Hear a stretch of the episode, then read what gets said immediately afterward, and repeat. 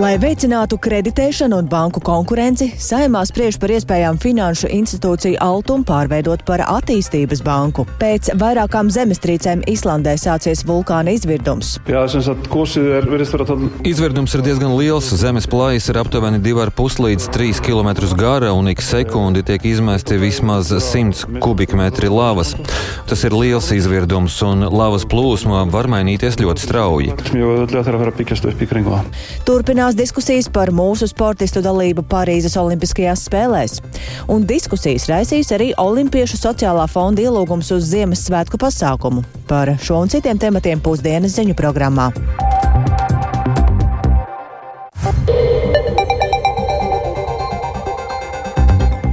12,5 minūtes skanējumu sāk ziņu dienesta veidotājs raidījums pusdiena, un tajā plašāk skaidrosim šodien, 19. decembrī, būtisko. Studijā Dāca Pēkšēna, esiet sveicināti!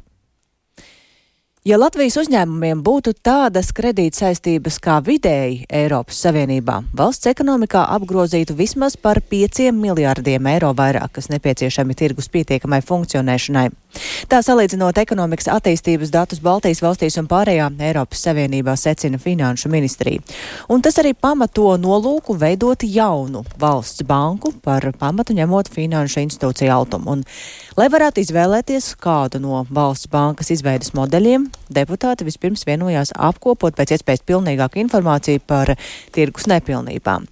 Debatēm Saimas budžeta un tautsēmniecības komisija kopsēdē sekoja līdzi kolēģis Jānis Kīncis. Sveiks, Jāni! Kādi tad ir secinājumi pēc šīs dienas sēdes?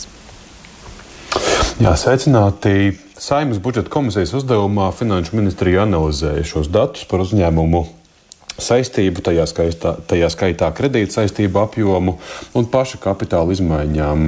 Un ir pētīti dati gan Latvijā, salīdzinājumā ar pārējām Baltijas valstīm un Eiropas Savienības vidējiem datiem pēdējo septiņu gadu laikā. Un tātad, jā, šie dati vēlreiz apliecina tendenci, ka kreditēšanas saistību apjoms Latvijā ir bijis līdzīgs 2016. gada līmenim - ap 13-14 miljardiem eiro, kamēr Igaunijā tie ir bijuši 20, bet Lietuvā 29 miljardi eiro. Tas ir runa par 2022. gadu. Atšķirības pietiekami redzamas, un pieņemot, ka Latvijas uzņēmumi pret pa savu pašu kapitālu uzņemtos saistības tādā līmenī kā vidēji Eiropas Savienībā, tad Latvijas uzņēmumu apgrozītu par apmēram 5 miljardiem eiro vairāk. To ne bez pārsteiguma balsī klāstīja finanšu ministrs Arvils Ašradens no jaunās vienotības. Tas, ko es šobrīd varētu pateikt, ir uh, Latvijā trūkst 5 miljardi eiro tirgu vēl papildus, lai tirgus normāli funkcionētu. Ja, tas veidotu atšķirību, kas ir Latvijai pret pārējiem Baltijas tirgiem. Kad mēģināsim dizainēt nākamos, nezinu, ceru, ja, līdz februāra beigām plānu vispār, ko ar šo darīt. Jo altums ir tikai viens elements. Ja, tad mums jāskatās daudz plašāk, kā gan privātais tirgus, gan valsts, kādā veidā mēs varam nodrošināt normālu tirgus funkcionēšanu. Nu, lūk, šis komentārs ir būtisks, ņemot vērā arī šo tematu par iespējām uzņēmumiem Latvijā aizņemties eh, ka tām ir jābūt krietni lielākām, salīdzinot starptautiskā mērogā. Un tas arī ir viens no galvenajiem aspektiem saimā sāktajai sarunai par attīstības finanšu institūcijas altumu iespējamu pārveidi par valsts attīstības banku. Un uh, finanšu ministrija arī ir apzinājusi dažādus šos iespējamos attīstības modeļus. Uh, skatoties praksē arī citvietā Eiropas valstīs, būtiskākā pārmaiņa būtu pamatot Eiropas komisijai un Eiropas centrālajai bankai, kas ir galvenais banku jomu uzraugošai, galvenā banku jomu uzraugošā institūcija, nepieciešamība Altumam iegūt kredītiestādes licenci. To min kā realistiskāko risinājumu, lai veicinātu kreditēšanu arī attālākos valsts reģionos. Izskanējuši arī argumenti, ka Altum ir augsti reitingi līdzekļu piesaistēji aizņēmumiem. Un sarežģītāks variants būtu veidot valsts attīstības banku līdzās esošajai institūcijai Altumu, un vēl viens variants - attīstīt eh, Altumu kā eh, tā iesākto darbu kā attīstības institūcijai ar jaunām valsts atbalsta programmām.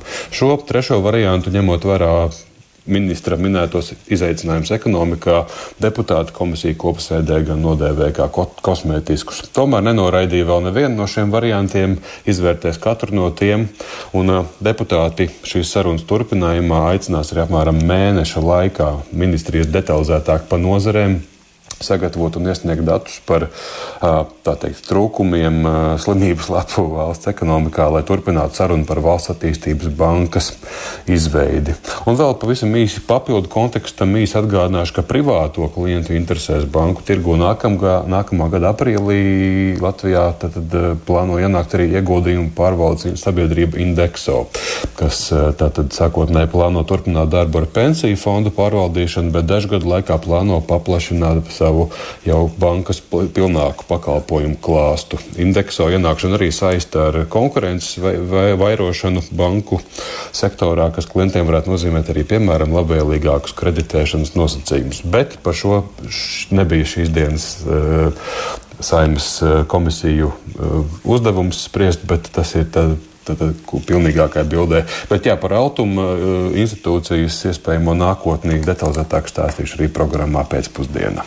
Tāds ir. Paldies Jānim Kīncim, tas tātad par plāniem Altam pārveidot par attīstības banku. Taču nevairs plāni, bet jau taustāms rezultāts ir redzams bērnu slimnīcā, kur pēc nepilnas stundas atklās jaunu bērnu un jauniešu psihiskās veselības centra ēku, un tā ir daļa no vērienīgās pārbūves slimnīcā. Tas nozīmē, ka tagad bērniem ar psihiskās veselības traucējumiem, tā skaitā paškaitējumu nodarījušajiem ar depresiju un citām problēmām, palīdzība būs pieejama tam piemērotā vidē, kāda tā nebija līdz šim slimnīcas novietnē Gailezerā. Un tas ir īpaši svarīgi ņemot vērā, ka pēdējos gados šādu pacientu skaits ir palielinājies. Tiesa gan sākotnēji domātais par būtisku pieejamības paplašināšanos tikai daļēji izpildīsies, jo daudz kas jau ir izdarīts daudzo gadu laikā, kamēr šī ēka tapa tām šorīt kolēģiem Elīnai Baltskarai un Kristapam Feldmanim raidījumā Labrīt sacīja šī centra virsārste Karīna Beinerte mūsu komanda ir ļoti izaugusi. Un tas, kā bija sākotnēji plānos, kad mēs lielajā jaunajā ēkā ieejot, varēsim piedāvāt ievērojami vairāk pakalpojumu, tad uh, mēs jau esam pa gadiem izauguši un mēs tikai nedaudz varēsim uh, paplašināties, piedāvājot jaunus uh, terapijas veidus, jo telpas vienkārši ir piemērotākas. Piemēram, grupu terapijas telpas mums ir bijušas ļoti švakas iepriekšējā ēkā, un, un tās būs tagad pieejamas brīvi, būs ģimenes terapijas telpa ar novērošanas zonu. Tāpat tās arī sensorās integrācijas telpa, kāda mums iepriekš nebija pieejama. Bet uh, tas, kas visvairāk parasti uztrauc cilvēkus, ir karās rindas un gribās piekļūt pakalpojumam ātrāk.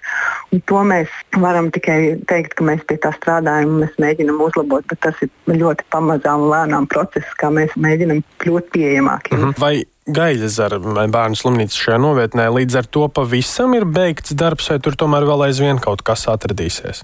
Mūsu komanda ir 140 cilvēki, liela, milzīga. Mēs vairs pirmkārt nevarējām vairs ieiet visi iekšā jaunajā ēkā, bet otrkārt, psihiskās veselības pakalpojums jābūt ambulatori pieejamam pēc iespējas tuvāk mājām. Tad uh, mēs sapratām, ka jāatstāj ir arī neliela komandas daļa gaļas novietnē. Līdz ar to tie 14 cilvēki, kas no mūsu 140 komandas uh, paliek tur, Iepriekš tika ziņots, ka šo centru plānots attīstīt arī kā kompetences centru. Ko tas paredz, vai tas radīs kādas papildus iespējas studējošajiem?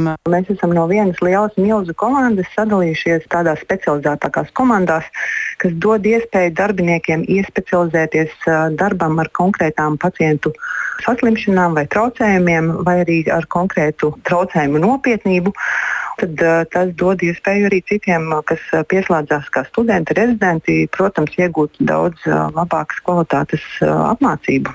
Jā, mēs ceram būt ekscelences centrs, bet uh, es šeit gribēju arī piebilst uh, to, ka mums ir uh, vislielākā problēma īstenībā tieši ar psihologiem un psihiatrijas māsām. Un tas ir tas, uz ko mēs liekam diezgan lielu uzsvaru, ka mēs gribētu piesaistīt arvien vairāk uh, tos darbiniekus, kas sniedz nefarmakoloģisko palīdzību. Varbūt ir uh, dzirdēts, ja, ka psihiatri izraksta medikamentus, un tā arī ir bijis vēsturiski. Psiholoģiskā palīdzība nebija pieejama. Nu, tas pamazām mainās, tad, uh, mēs vēlamies arvien vairāk paplašināt tieši to nefarmakoloģisko daļu. Kaut arī jā, bērnu psihiatri mums arī trūkst. Tik, cik mēs dabūjām klāt vienā gadā, tik arī parasti aiziet pensijā, diemžēl. Covid pandēmija bija milzīgs trieciens un dzirdējām arī daudz stāstu par jauniešu psihiskās veselības problēmām, kas tādēļ radās. Vai arī šobrīd aizvien ir redzamas šīs pandēmijas atstātās pēdas? Jā, psihiskās veselības pakalpojumā mēs redzam pilnīgi noteikti pieaugumu attiecīgās konkrētās grupās ar covid saistīts un ne tik ļoti saistīts, kas kopumā redzams pasaulē. Viens ir tas, ka autismu bērniņu skaits pieaug. Kopš Covid ir pieaudzis ēšanas traucējumu pacientu skaits un ir pieaudzis arī jaunieši, kas paškaitējās, kurus nomoka pašnāvības domas. Šo bērniņu un jauniešu skaits ir pieaudzis un, un mūsu pacients ikdienā izskatās savādāk nekā pirms 10, 20 gadiem. Tā centra virsārste Karina Bēnerte par jauno bērnu un jauniešu psihiskās veselības centru. Tikmēr par problēmām, kādās ir nonākusi Daugopils reģionālā slimnīca, naudas trūkuma un parādu dēļ, un to, vai izēja tiks atrasta šodien pēc slimnīcas lielākā kapitāla daļa turētāja Daugopils pašvaldības pārstāvu tikšanās ar veselības ministru. To skaidrosim redzījumā pēcpusdienu, un, kā iepriekš ziņoja kolēģi no Latvijas televīzijas, tad slimnīca paliek parādā ne tikai piegādātājiem, bet arī darbiniekiem, tāpēc ārstiem, kuru alga pārsniedz 2000 eiro, daļu samaksas par darbu pārskaitīšot nākamajā gadā. Savukārt parāds piegādātājiem sasniedzot 6 miljonus eiro. Tātad par to vairāk raidījumā pēcpusdiena. Bet šobrīd par notikumiem citviet pasaulē Īslandē ir sācies vulkāna izvirdums, kas notiek netālu no pilnībā evakuētās Grindavīgas pilsētas. Tomēr pagaidām nevienai apdzīvotajai vietai tas briesmas problēmas neradot. Pat laban izvirdums nav arī radījis traucējumus avio satiksmēm. Tomēr varas iestādes aicina iedzīvotājus būt piesardzīgiem. Un, lai pastāstītu vairāk šobrīd par vulkānu izvirdumu, studijā ir kolēģis Uldis Čēsberis. Sveiks, Uldi, kas ir šobrīd zināms par izvirdumu? Jā, nu es tā secīgi pastāstīšu, un uh, vakar vakarā pulksten nedaudz pēc desmitiem, pēc vietējā laika, eh, kas ir jau pāri pusnaktī pēc Latvijas laika. Eh, Reikjanes pussalā, Islandes dienvidu rietumos, sākās šis vulkāna izvirdums, kad no iepriekš, iepriekš seismisko aktivitāšu rezultātā izveidojušās eh, vairākus metrus platas plaisas zemē sāka šļākties verdoša lāvā, un aptuveni stundu pirms izvirduma sākuma šajā rajonā notika arī Eh, vairākas nelielas zemestrīces. Un eh, vairāk par izvirdumu dzirdēsim no Islandes civilās aizsardzības departamenta vadītāja Vidira Reinisona. Jā, Izvirdums ir diezgan liels. Zemes plājas ir aptuveni 2,5 līdz 3 km gara un ik sekundi tiek izmesti vismaz 100 kubikmetri lavas. Lava plūst uz ziemeļiem, uz tur izbūvētā aizsarga vaļņa pusi, tāpēc šī izvirduma vieta mums ir diezgan labvēlīga. Taču tas ir liels izvirdums un lavas plūsma var mainīties ļoti strauji. Jā, un Reinisons arī vērsās pie iedzīvotājiem ar aicinājumu nedoties uz izvirduma vietu, jo tādējādi viņi sevi, sevi pakļauj nopietnam riskam. Arī Īslandes prezidents Gudnī Johannesons savos sociālajos tīklos rakstīja, ka atbildīgie dienesti rūpīgi sekos līdzi izvirduma gaitai un to galvenā prioritāte esot cilvēku dzīvības un infrastruktūras aizsardzība. Un šī plaisa, pa kuru izplūst lava, šīs plaisas dienvidu gals atrodas tikai 3 km attālumā no Grindavīkas pilsētas, bet pagaidām lava neplūst Grindavīkas virzienā, kas, protams, ir ļoti laba ziņa. Un visus jau aptuveni 4000 Grindavīkas iedzīvotājus iedzīvotājus evakuēja 11. novembrī, pēc tam, kad eh, zinātnieki konstatēja, ka zem pilsētas eh, uzkrājas magma un brīdināja, ka jebkurā brīdī var sākties izvirdums. Un eh, seismisko aktivitāšu dēļ pilsētas ielās ir izveidojušās arī tādas milzīgas plaisas, kas ir sabojājušas arī vairākas ēkas, un kopš pilsētas evakuācijas varas iestādes grindavīgas iedzīvotājiem ir atļaujušas atgriezties savās mājās uz pavisam īsu brīdi, lai paņemtu pašas pašas nepieciešamākās lietas. Lava neapdraud arī vairākus kilometrus uz austrumiem esošo Svarcengī ģeotermālo spēkstaciju, kas ir galvenais elektroenerģijas un arī ūdens piegādātais 30 tūkstošiem Reikjanes pussalas iedzīvotāju, un arī tai blakus esošo slaveno Zilās lagūnas spā kurortu, kas jau vairākas nedēļas ir slēgts apmeklētājiem. Un nav arī piepildījušās jā, bāžas, ka vulkāna izvirdums varētu nopietni traucēt avio satiksmi. Tikai 30 km km attālumā no Grindavīkas atrodas Keflavīkas starptautiskā lidosta, taču nu, paskatoties uh, lidostas mājaslapā publicēto informāciju, var secināt, ka šodien neviens izējošais vai ienākošais avio reiss nav atcelts. Uh, Islandes meteoroloģiskais dienests uh, vairākas stundas pēc izvirduma sākuma ziņoja, ka izvirduma intensitāte samazinās un pašreizējās aplēses ir tādas, ka izvirdums varētu turpināties vēl aptuveni desmit dienas. Nu, sekosim līdzi, kā tur notiks, notikuma attīstīsies. Sekosim līdzi, bet pagaidām izskatās mierīgi. Paldies Uldim Ķezberim. Un turpinās diskusijas par mūsu sportistu dalību Parīzes Olimpiskajās spēlēs. Paust skaidru Latvijas nostāju pret agresoru valstu sportistu dalību, tostarp vēršoties pie Francijas parlamenta un lielākajiem starptautiskās Olimpiskās komitejas sponsoriem šodien ir izlemts Saimas komisija kopsēdē, kurā sprieda par rīcības saskaņošanu ar Ukrainas Olimpisko komiteju un Ukrainas valsts varas iestādēm. Tomēr lēmumu par Latvijas sportistu dalību Olimpiskajās spēlēs vēl nepieņēma. Šajā sēdē piedalījās arī Ukrainas vēstnieks Latvijā Anatolijas Kucevovs, kurš pastāstīja plašāk par Ukrainas pašreizējo pozīciju. In, in, Šobrīd diskutējam iekšēji. Ukraina vēl uzklausa pašu Ukrainas sportistu nostāju un viedokli. Ukraina ir demokrātiska valsts, tāpēc mēs neuzspiežam cilvēkiem, kādai ir jābūt viņu nostājai. Jā, to beigās izlems Ukrainas Olimpiskā komiteja, tomēr arī Ukrainas sportistu lēmumam ir liela nozīme. Ja tas ir vienots lēmums, tad valsts un sportisti ir kopā. Tas ir iemesls, kāpēc vēl neesam pauduši skaidru un skaļu nostāju with our uh, general position on that. Un plašāk uh, par šīm diskusijām un arī to, kādi bija viedokļi par Latvijas dalību Parīzes Olimpiskajās spēlēs, tad stāstīsim šodien vēlāk redzījumā pēcpusdienu. Tikmēr neizpratni sabiedrībā ir raisījušas Latvijas Olimpiešus sociālā fonda Ziemassvētku balles programmas, kas vienā pusē ir nodrukātas latviski, otrā krievu valodā. Pats pasākums jau ir noticis pagājušā nedēļā un bija paredzēts Latvijas sporta veterāniem. Vairāk par šo tematu runāsim ar kolēģi Paulu Dēvicu. Sveika, Paula, un saka īsti, par ko tad ir radusies sabiedrībā neizpratne? Sveika, Dace! Jā, pēdējās dienās sociālajos medijos vairāk cilvēki dalījušies ar nofotografētām šīm pasākuma programmām, kur redzams, ka tās ir nodrukātas vienā pusē latviešu valodā un otrā krievu valodā. Un pasākums, jā, kā tu jau minēji, notika pagājušā nedēļā 15. decembrī, un arī tajā uz vietas bijušas pieejamas šīs te programmas. Un par to viedokli publiski izteikuši gan bijušie sporta funkcionāri, gan arī sporta veterāni un žurnālisti, paužot neiz neizpratni par to, kāpēc tad nepieciešams bukletu drukāt arī krieviski, ja pasākums paredzēts Latvijas sporta veterāniem, kuri ilgstoši dzīvojuši Latvijā, un uh, turklāt arī šis fonds saņem naudu no valsts budžeta, kā uzsver arī vairāk cilvēki, kas pauž publiski par to viedokli. Un uh, par to publiski izteicies arī sporta žurnālists Dainis Caune, kurš ir arī Latvijas Olimpiskās komitejas loceklis.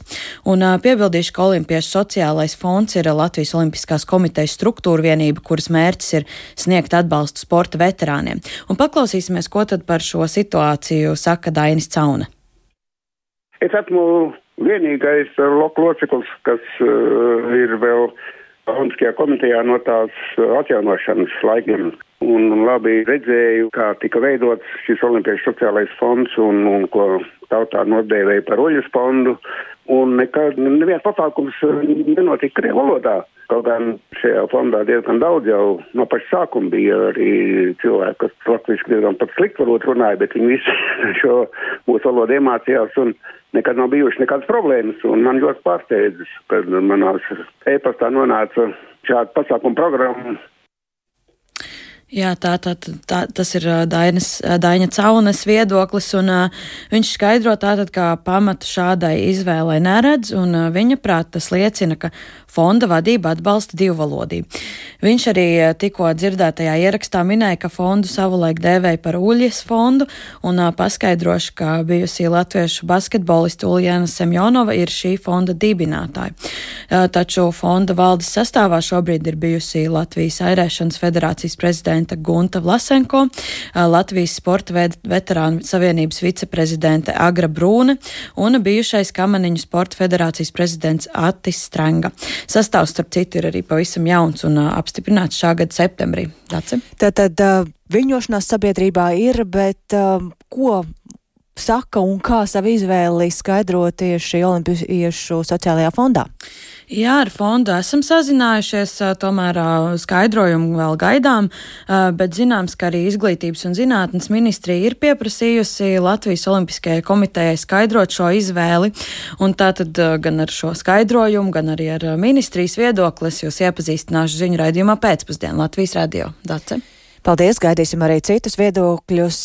Paldies Paulai Dēvicai par informāciju līdz šim. Bet eh, vēl kāds temats jau domājot par pavasari, jo tad, lai uzlabotu zivju migrāciju un dzīvotnes, pavasarī būs pieejams atbalsts upju šķēršļu nojaukšanai vai zivju ceļu izbūvei. Un daļa šķēršļu Latvijas upēs ir mazās hidroelektrostacijas, kur īpašnieki gan tās neplāno nojaukt. Savukārt zivju ceļu izbūve ir dārga un jaunajā atbalsta programmā visiem naudas nepietiks. Tomēr zemkopības ministrija un dabas sargi cer, ka pirmie projekti tiks īstenoti jau nākamvasar un plašāk par šo tematu Sintīs Ambotas ierakstā. Atbalstam upju šķēršļu nojaukšanai vai zivju ceļu izbūvē pieteikties varēs plašs pretendentu loks. Tie ir dažādu dambju, mazo hes un citu būvju īpašnieki, norāda Zemkopības ministrijas zivsaimniecības departamenta direktors Normons Riekstiņš. Kopumā šiem mērķim pat laban atvēlēts Eiropas Savienības finansējums 2 miljonu eiro apmērā paredzēt, ka tās var būt pašvaldības, varbūt valsts pārvaldes iestādes, varbūt zinātniskie institūti, varbūt arī biedrības, kas īstenot šādu projektu. Zīvi migrācijas šķēršļu īpašnieks vai lietotājs pats var nākt pieteikties. Un Latvijas plānošanas reģions ielikā. Simtprocentīgi tiek apmaksāti darbi. Pērn Zinātniskais institūts Bior izveidoja Latvijas upēs prioritāru nojaucamo 70 šķēršļu sarakstu, no kuriem lielākā daļa ir mazās HES. Katru objektu pētnieki arī apsakoja, lai izvērtētu, ar kādiem risinājumiem šajās vietās varētu uzlabot aizsargājumu upes nēģu vai lašu, kā arī citu zivju migrāciju. Institūta pētnieks Kaspars Abersons skaidro, ka no zivju sugu aizsardzības viedokļa efektīvākais un arī lētākais risinājums ir šķēršļu nojaukšana, kas kopumā visiem objektiem izmaksātu vairāk nekā 4 miljonus eiro. Šis saraksts jau nevienam nekādus pienākumus neuzliek. Viņš dod tiesības tiem risinājumiem, kas tur ir uzskaitīti, izmantot Eiropas naudu. Pirmā lieta, ko mēs secinājām, apsakojot un, un arī runājot ar īpašniekiem un citiem cilvēkiem, ka viens no galvenajiem šķēršļiem, kas kavē kaut kādu darīšanu, ir šķēršļiem, ir cilvēkiem galvā, ja viņi ir pieraduši pie tā visa. Kas īpašniekam ir skaidrs, tas ir viņa biznesa, bet arī tie, kas nav kas īpašnieki, arī jebkādu tur aizsprostu palieku vai kaut vai akmeņu čubu pieturētāji ļoti bieži ir gatavi cīnīties līdz pēdējiem, lai saglabātu to savu šķērsli.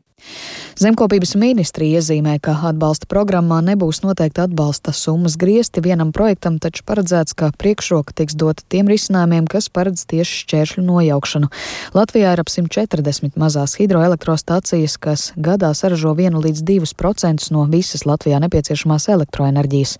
Mazās hidroenerģētikas asociācijas vadītājs Kaspars Gailīts norāda, ka no biedriem pat laba nav nekādu signālu par kādu mazo HES nojaukšanas plāniem un komentē nozars perspektīvas. Mūsu ieskatā tā ir tā virzība uz zivju ceļiem, un es domāju, ka, ja tās tiek atzītas par sabiedrības interesēm, ka tie zivju resursi tādā veidā ir jāapvairo, tad tur ir vajadzīgs arī lielāks sabiedrības ieguldījums kaut kādu līdzfinansējumu veidā. Nu, par tām perspektīvām tas arī ir tieši atkarīgs no uh, valsts politikas, kurā virzienā valsts izvēlas iet, lai mēģinātu sabalansēt elektrības ražošanas vietējās intereses, gan energodrošības, neatkarības intereses un vidas intereses, vai izšķirties tikai par labu vienām no tām interesēm. Tikmēr Pasaules dabas fonds vērš uzmanību Startautiskās dabas aizsardzības savienības IUCN publicēto jaunāko apdraudēto sugu sarkano sarakstu, kurā secināts, ka 25% pasaules saldūdens zivju sugu draud izmiršana. Turpina fonda pārstāve Magda Jentgena. Šie šķēršļi neko sabiedrībai nedod, un var pienākt laiks, kad uh, īpašniekiem būs vai nu jāmaksā dabas kaitējuma sots, jo ir aprēķināts tas kaitējums straujticēm principā. Un otrkārt, šiem īpašniekiem var pienākt laiks, ka viņiem būs vienkārši jānojauc šie šķēršļi, un tas būs jādara par savu naudu. Jo šobrīd tā ir tāda kā pretīm nākšana ar to, ka valsts, jeb Eiropa, precīzāk sakot, ir gatava finansēt Šobrīd zivju dzīvotņu kvalitātes uzlabošanas atbalsta noteikumiem norit publiskā apspriešana, un februārī tos varētu skatīt valdība. Savukārt martā atbalsta programmu plānots izsludināt lauka atbalsta dienestā, lai šajā vasarā jau varētu īstenot pirmos šķēršļu nojaukšanas vai zivju ceļu projektus. Sinti Ambote, Latvijas radio. Un ar to izskan raidījums pusdiena. To producēja Lauris Zvēnieks, ierakstus montēja Uldis Grīnbergs, par labskaņu rūpējās Rita Karnača un ar jums sarunājās Dāca Pēkšēna.